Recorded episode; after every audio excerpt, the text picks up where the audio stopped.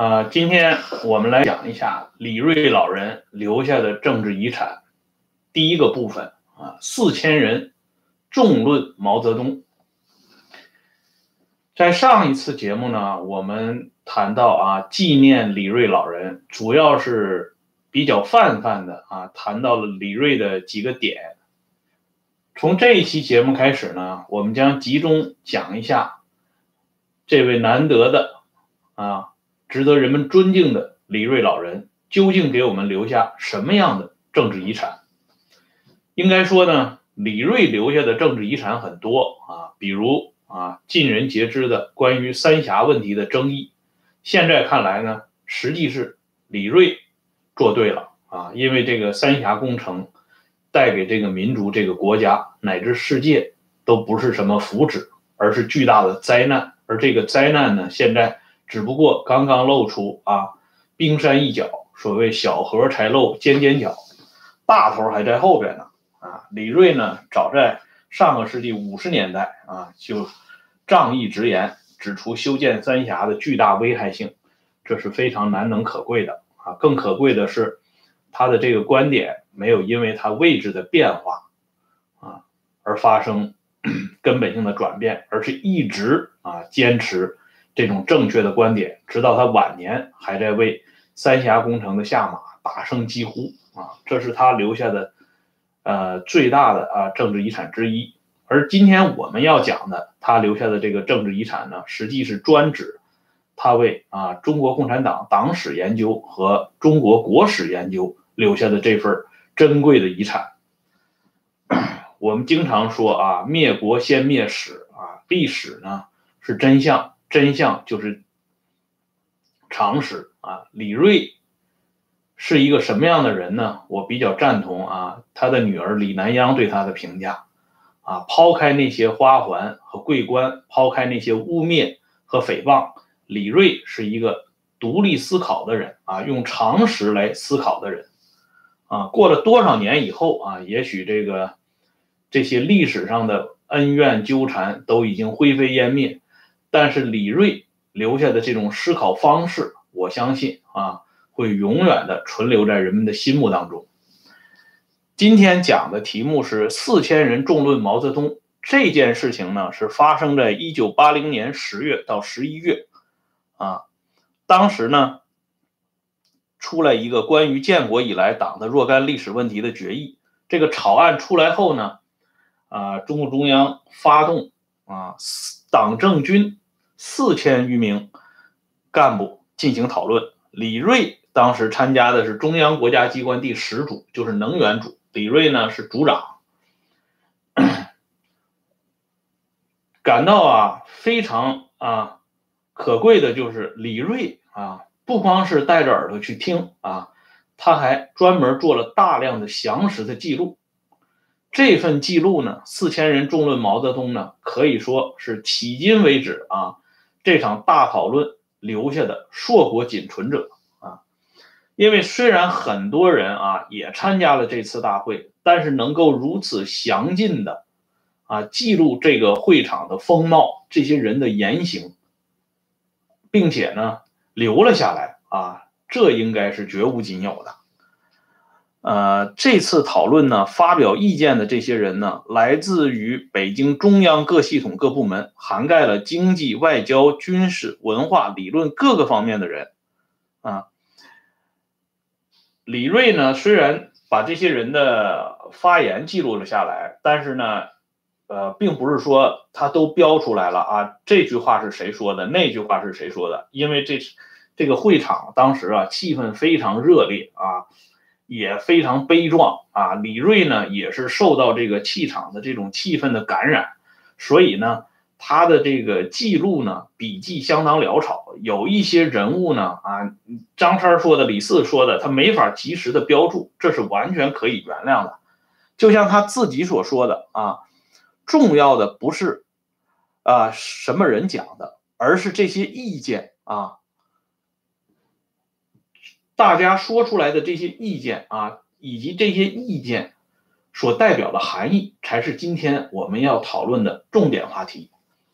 说到这个四千人众论毛泽东呢，我们就要先讲一个蝎子啊，这件事的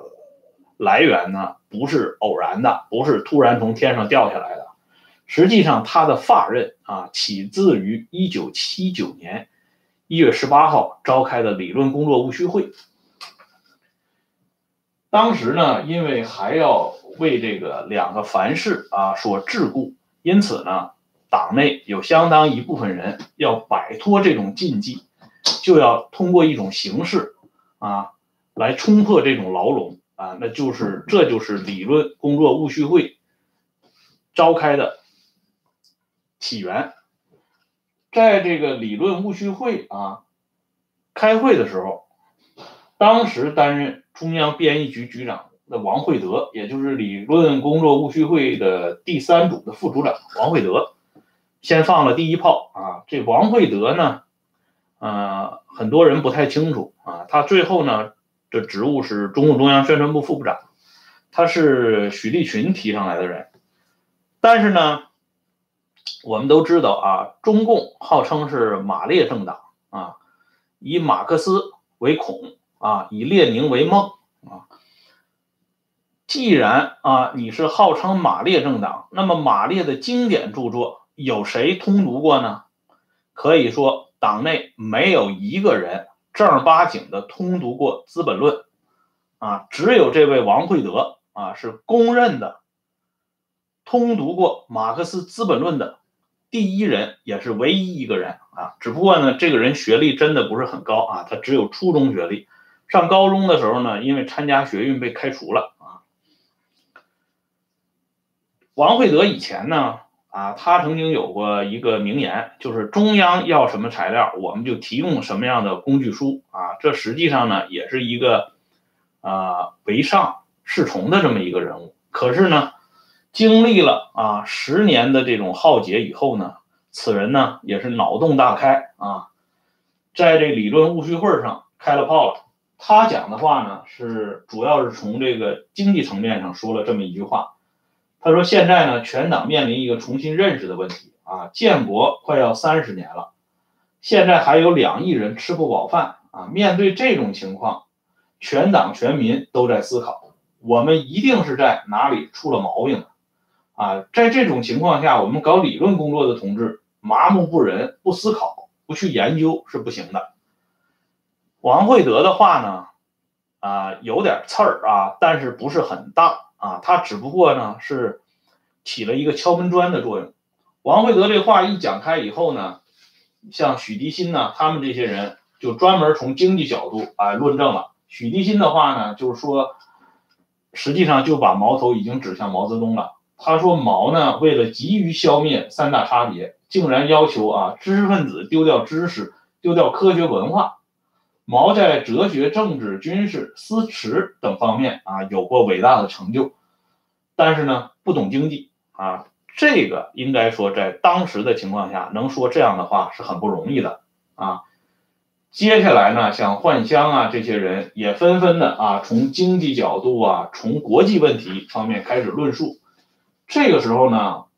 有一个与会者啊，这个与会者的名字呢，实际上已经被历史淹没了，但是他说的这番话呢，啊，引起了全场的共鸣啊，也让全场的与会者呢陷入了长久的深思啊。这个与会者讲了这么一件事儿啊，他说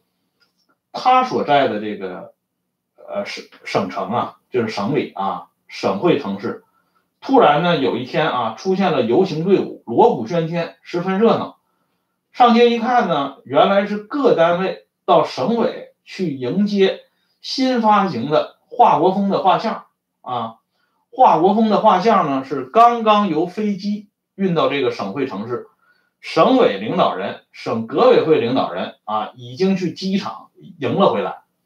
啊，去的时候呢，各单位领导人都是站在队伍的最。最前面抱着这个空镜框，回来的时候呢，把画像已经放到镜框里边了，抱着回来了。一时间呢，全程都是迎接华国锋画像的队伍。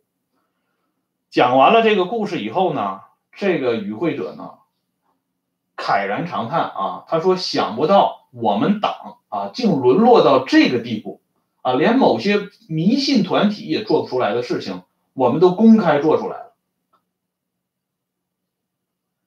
这句啊振聋发聩的话啊，大家想一想，这是发生在四十年前啊啊，那个时候是什么样的政治气候啊？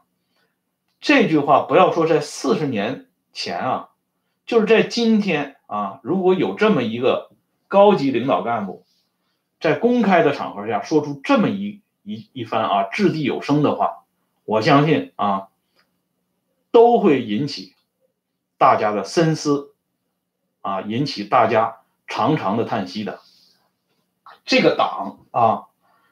在文革当中敲锣打鼓去迎接毛啊转送过来的芒果啊，不舍得吃，专门做了模具啊，摆在这个玻璃柜子里供大家瞻仰。所谓的文革结束了啊，大家又迎接新一个这个神啊，就是英明领袖，把他的画像抓到装到这个镜框里啊，这个人们哈如醉如痴啊，疯狂的跳起这种各种各样的舞蹈啊，手舞足蹈啊，为之兴奋不已。所以说呢，啊，就又想起了那句话：“商君虽死，法未变。”啊，谁死了不重要，这条黑线呢？一直在存在着，所以呢，这个理论戊戌会啊，当时呢，已经把对毛泽东的评价以及对这个党啊，在过去的二十年当中啊所作所为，已经提出了一个重新评价的这么一个要求啊，应该说已经是火候已经开始到了，但是这个时候呢。啊，也就是在一九七九年三月二十七号上上午啊，在准备理论工作务虚会的讲话稿的时候，啊，邓小平出来了。邓小平同当时担任啊中共中央副秘书长、毛选啊出版委员会办公室主任、社科院院长的胡乔木啊以及胡耀邦谈话的时候啊，着重指出。党内和社会上现在出现了资产阶级自由化倾向啊，搞四个坚持，现在就该讲了啊，到底是社会主义公有制好还是资本主义私有制好啊？现在看啊，社会主义就是要比资本主义好啊，许多青年啊受四人帮的毒害和腐蚀啊，对我们的党。的历史、革命的历史都不了解，觉悟不高啊！我们应该从大局着眼啊！国家的问题困难一下子解决不了，哎，要给国家时间。同时呢，邓还指出啊，有那么一种倾向，就是迷恋于算旧账啊，出现了一些似是而非的提法，甚至是偏激的提法啊，不利于团结一致向前看啊。不利于一心一意奔四化啊！为什么不多宣传党的好的传统，如守纪律、艰苦奋斗等啊？需要理论界去研究去回答。这是邓当时对理论戊戌会的一个紧急刹车。正是由于啊邓的这番呃所谓呃顾大局的讲话啊。导致了这理论戊戌会啊，本来已经开始点燃的这个火焰，被突然给搞下去了，哎，但是呢，呃，这件事儿呢还没有完，因为接下来呢就发生了这个四千人众论毛泽东的这个大事儿，在四千人众论毛泽东这个过程当中呢。我们通过李锐啊所做的这个详细的记录稿，我们可以看到啊，大家难得啊欢聚一堂，一吐衷肠，把毛在各个时期啊，主要是一九四九年以后的啊各个时期的这些错误一一罗列开来啊。当时呢还只能称之为错误，现在看呢是严重的罪行啊，就是对人类啊的。犯罪啊，对毛的这些啊所作所为啊，这些错误乃至罪行一一罗列开来啊，从三五反开始讲，一直讲到文化大革命啊，讲的人呢是痛心疾首啊，记的人呢也是心潮澎湃啊，不能自已。你看，有的人呢就开始讲啊，说左倾路线萌于三五反，定型于反右，流行于大跃进啊，理论化于八届十中全会，登峰造极于文化大革命。而且呢，还有的人啊，直接就说毛泽东采取极不光明正大的引蛇出洞、放长线钓大鱼，以知无不言、言无不尽为诱饵，实行言者有罪，闻者反击。把全国五十多万啊知识分子、共产党员和干部划为右派，当做敌人实行专政。毛泽东从一九五七年开始，长达二十年，提出了一个非常完整的反马克思主义的理论体系，推行了一条错误路线啊。然后呢，还有人啊，就反右斗争啊，提出了。一个非常尖锐的观点，他说：“一九五七年之所以发动那么一场大规模的反右斗争，就是为了护短。因为所谓的右派揭了短，指出了党的不少缺点和错误。同时呢，还有人啊，针对邓小平啊作为反右运动前台总指挥，一直抱定的一个宗旨，即反右只是扩大化。”根本上没有错误啊！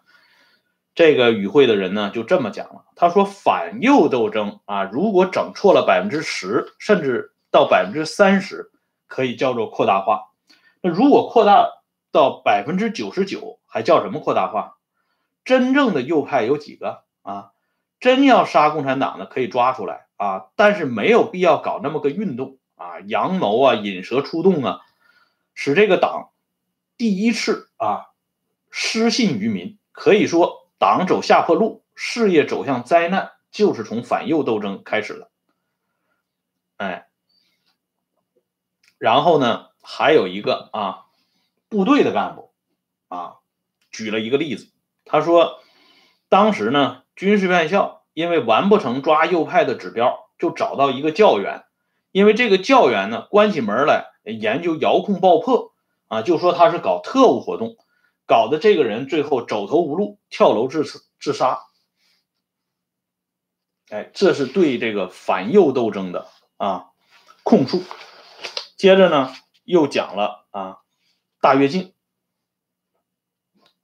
他说这个毛泽东呢对经济法则没有很好的研究，认为经济是从属于政治的东西啊，一说就是政治是统帅，政治是灵魂。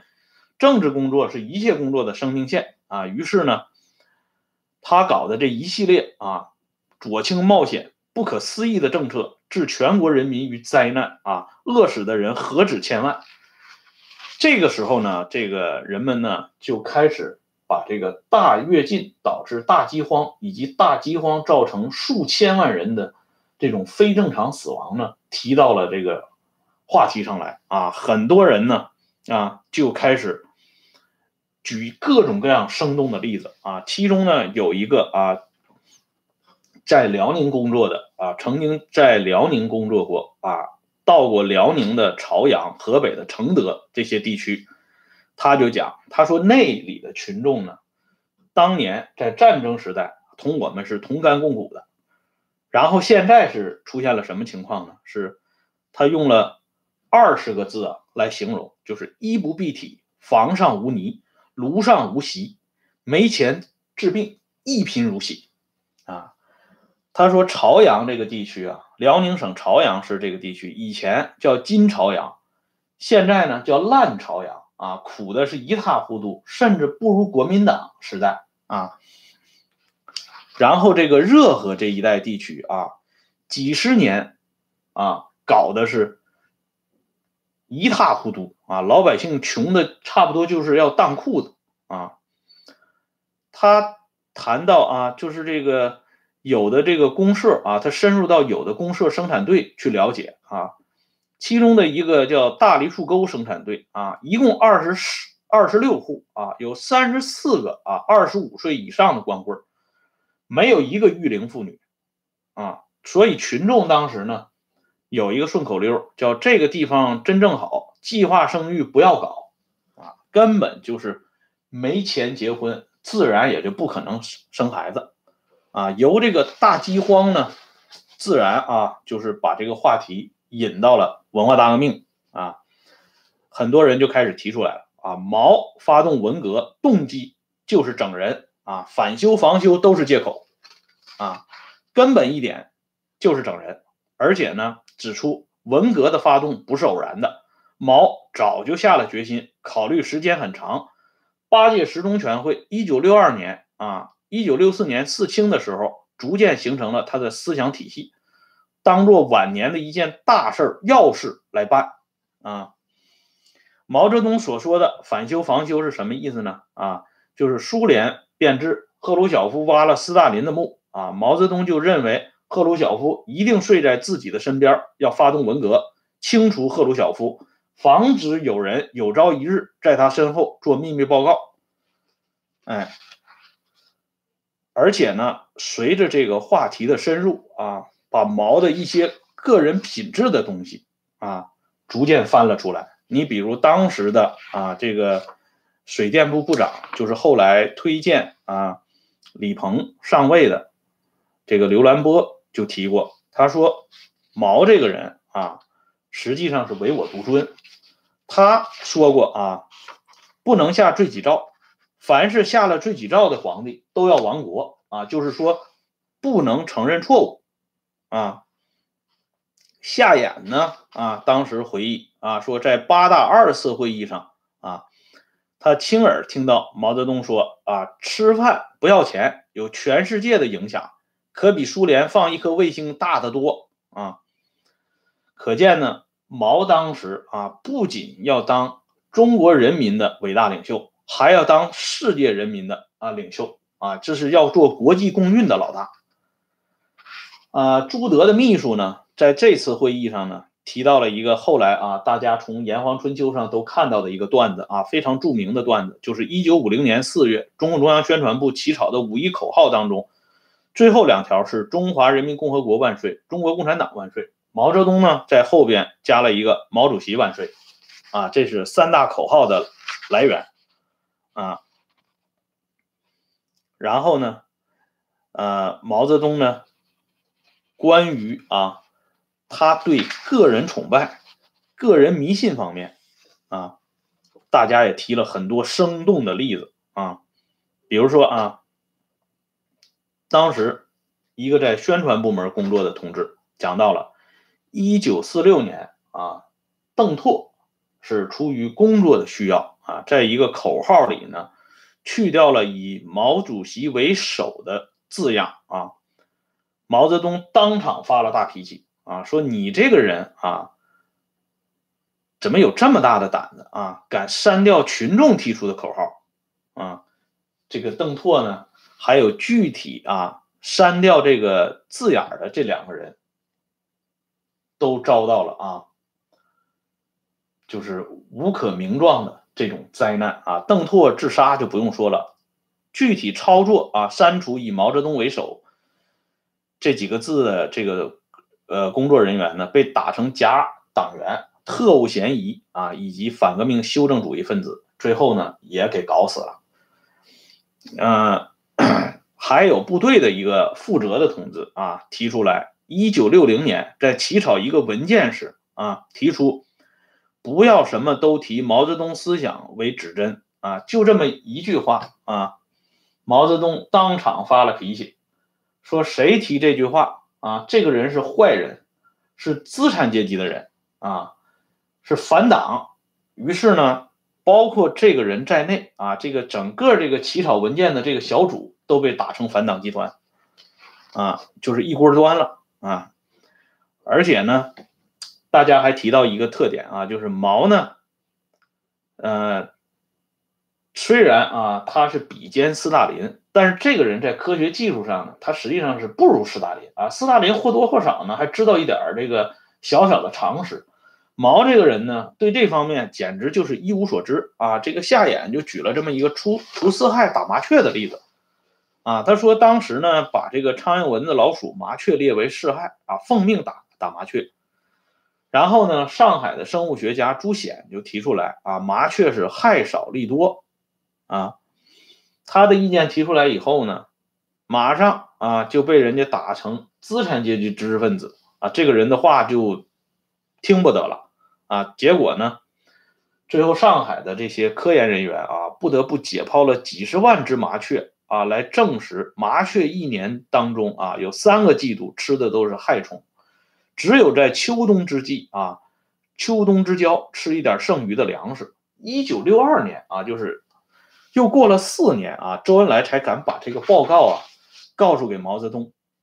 毛呢？啊，当然就把这个麻雀呢啊给删掉了啊，改成了臭虫。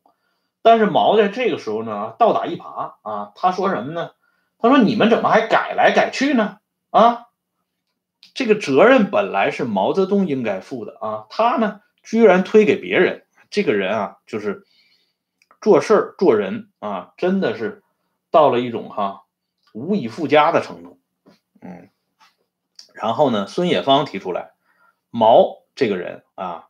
他有中法家长制思想，最后发展到封建帝王的这种独裁思想，绝不是偶然的啊。总之呢，在这一次啊四千人众论毛泽东这个过程当中，可以说啊，把毛的啊这些错误乃至罪行。讲的非常之多，甚至像毛在新民学会时的老朋友啊，早年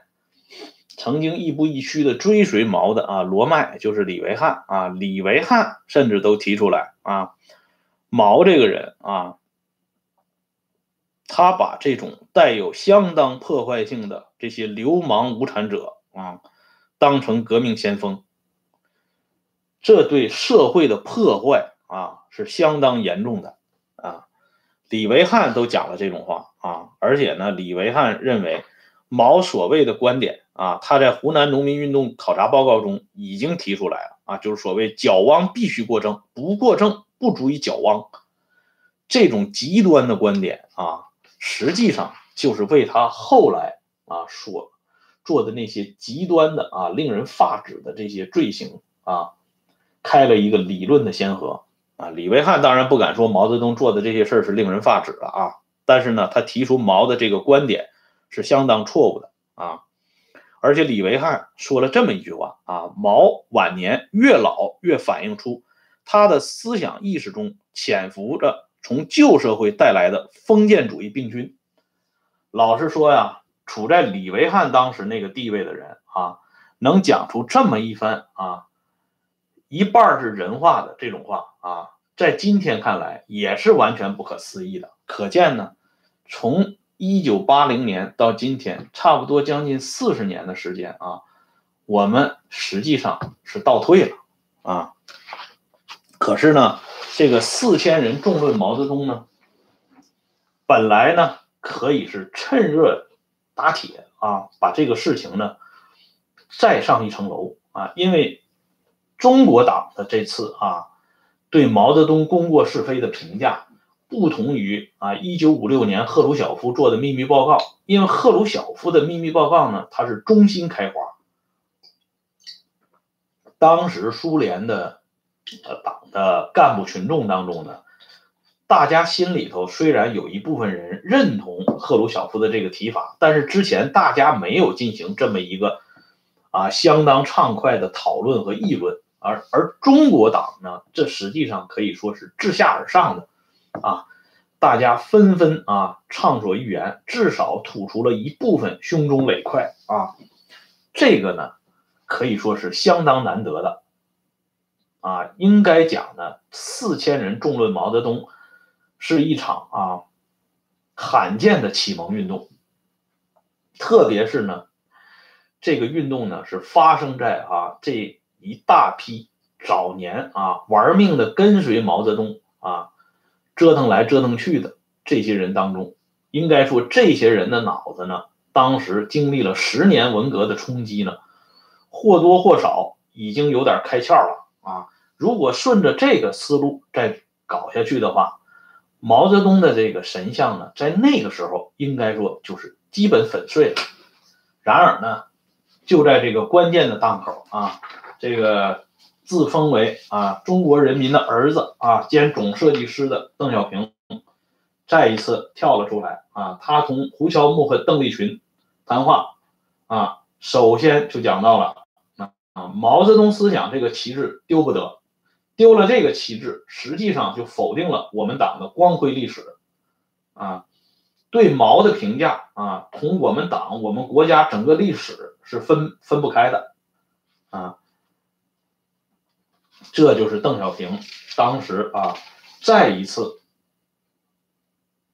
叫停这个本来呢，大家热火朝天的搞的这一次大讨论啊，已经把毛泽东。从神坛上请了下来，可是邓的这一番讲话呢，啊，让这场运动戛然而止，又把毛泽东推了回去，啊，邓在这次谈话里提到啊，党史一出不宜细，啊，就是粗线条的勾勒，不要描绘的那么详细，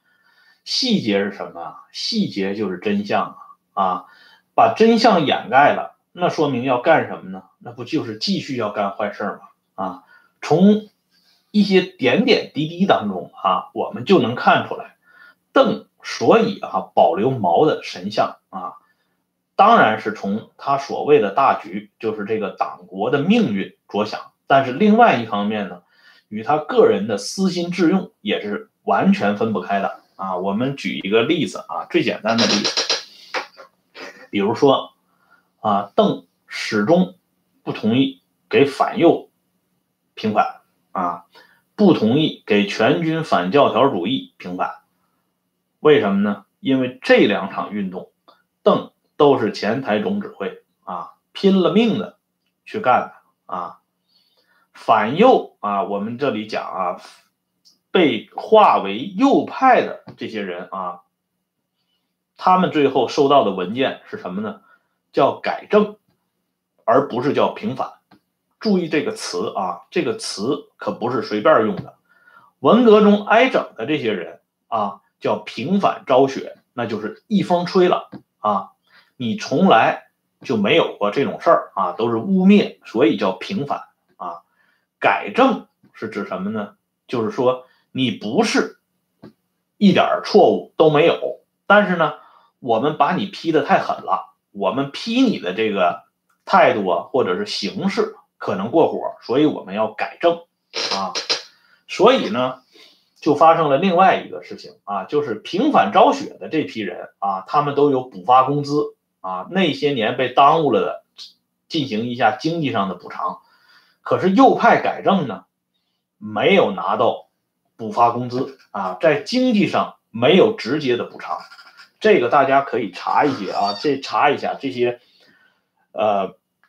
比较有名气的啊，被划成右派的这些人啊，像温继泽呀这些等等这些人，他们都没有领到补发工资。即使他领了补发工资，也是指他文革中那一段啊被打倒的那一段，而跟反右没有任何关系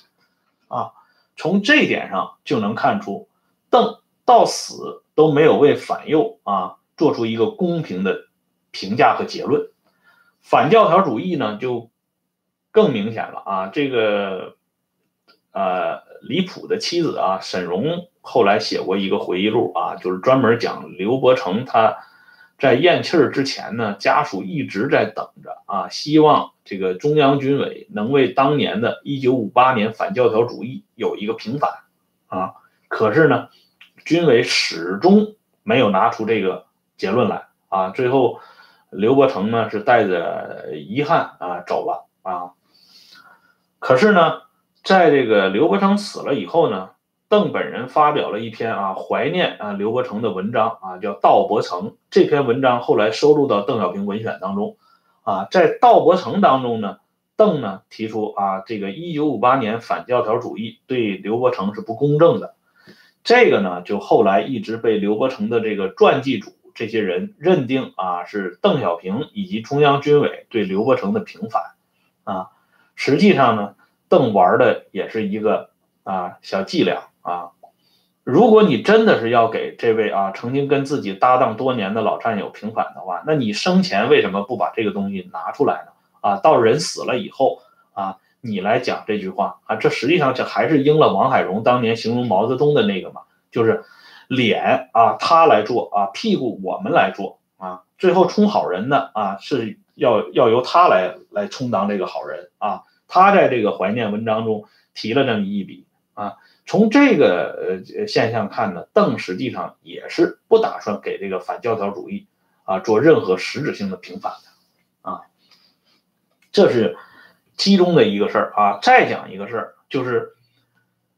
啊，中共呢后来在清算文化大革命的时候啊，曾经彻底否定了中共八届十二中全会，因为这一次全会呢对刘少奇、邓小平进行了全面的批判。刘少奇呢，更是定义为内奸叛徒和公贼，永远开除出党啊！所以呢，中共中央后来在清算这段历史的时候，把十二中全会全盘就给否了啊！可是呢，当有人啊，不是有呃，我说的有人不是说一个人两个人啊，是相当一大批啊啊领导干部提出来要把八届十一中全会也否定了，因为八届十一中全会是开启文革的这个。啊，这个地狱闸门的这个第一步啊啊，十一中全会上啊，毛泽东改选中央常委，开始部署文革的这个全面战略。可是呢，邓坚决不同意，他不同意把八届十一中全会否定。为什么呢？这里有一个小过节，因为在八届十一中全会的选举当中啊，中央政治局常委得全票的只有四个人。就是毛泽东、林彪、周恩来和邓小平，啊，所以呢，邓舍不得啊，把这次得了全票的中央全会给否定掉，就这么一件小事儿啊，就足以看出啊，邓这个人，在稍后呢，我们讲那个恶霸柯庆施当中呢，我们也要讲到这一点啊，就是胡耀邦啊，曾经向邓专门提出过啊，要把柯庆施这个人啊打入另册。啊，像评价康生和谢福治那样啊，把这个人搞掉。可是呢，邓坚决不同意。为什么呢？因为在柯庆斯死后呢，他的追悼会上的悼词呢是由邓来致的啊，邓小平致悼词。所以呢，邓仅仅就因为这一篇悼词啊，都不舍得啊，把柯庆施这么一个啊。助纣为虐的帮凶揪出来啊，可想而知，他怎么会啊彻底去否定毛呢？啊，因为他和毛的关系，他和毛的渊源实在是太深了啊！如果否定了毛，将来在某一天啊，也会有人站出来一样画葫芦来否定他啊！而且呢，从共产党这个宗法观念来讲啊，邓小平如果敢于否定毛，啊，这相当于欺师灭祖啊！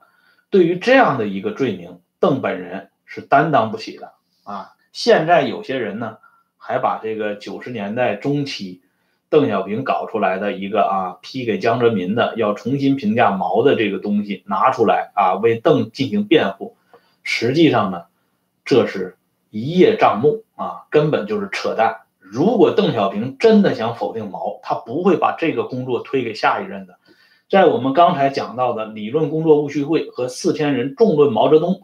这两场大的啊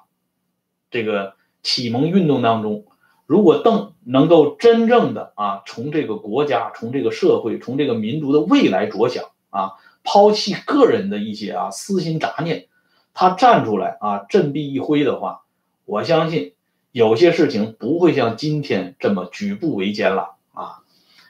所以呢，我们越是啊感到这段历史的沉痛，也就是越来越觉得啊李瑞老人给我们留下的这个丰厚的政治遗产是何其宝贵，何其啊难得啊！今天呢，话题就先讲到这里，在下一次这个李瑞留下的丰厚遗产当中呢，我们将讲到啊陈云是如何啊。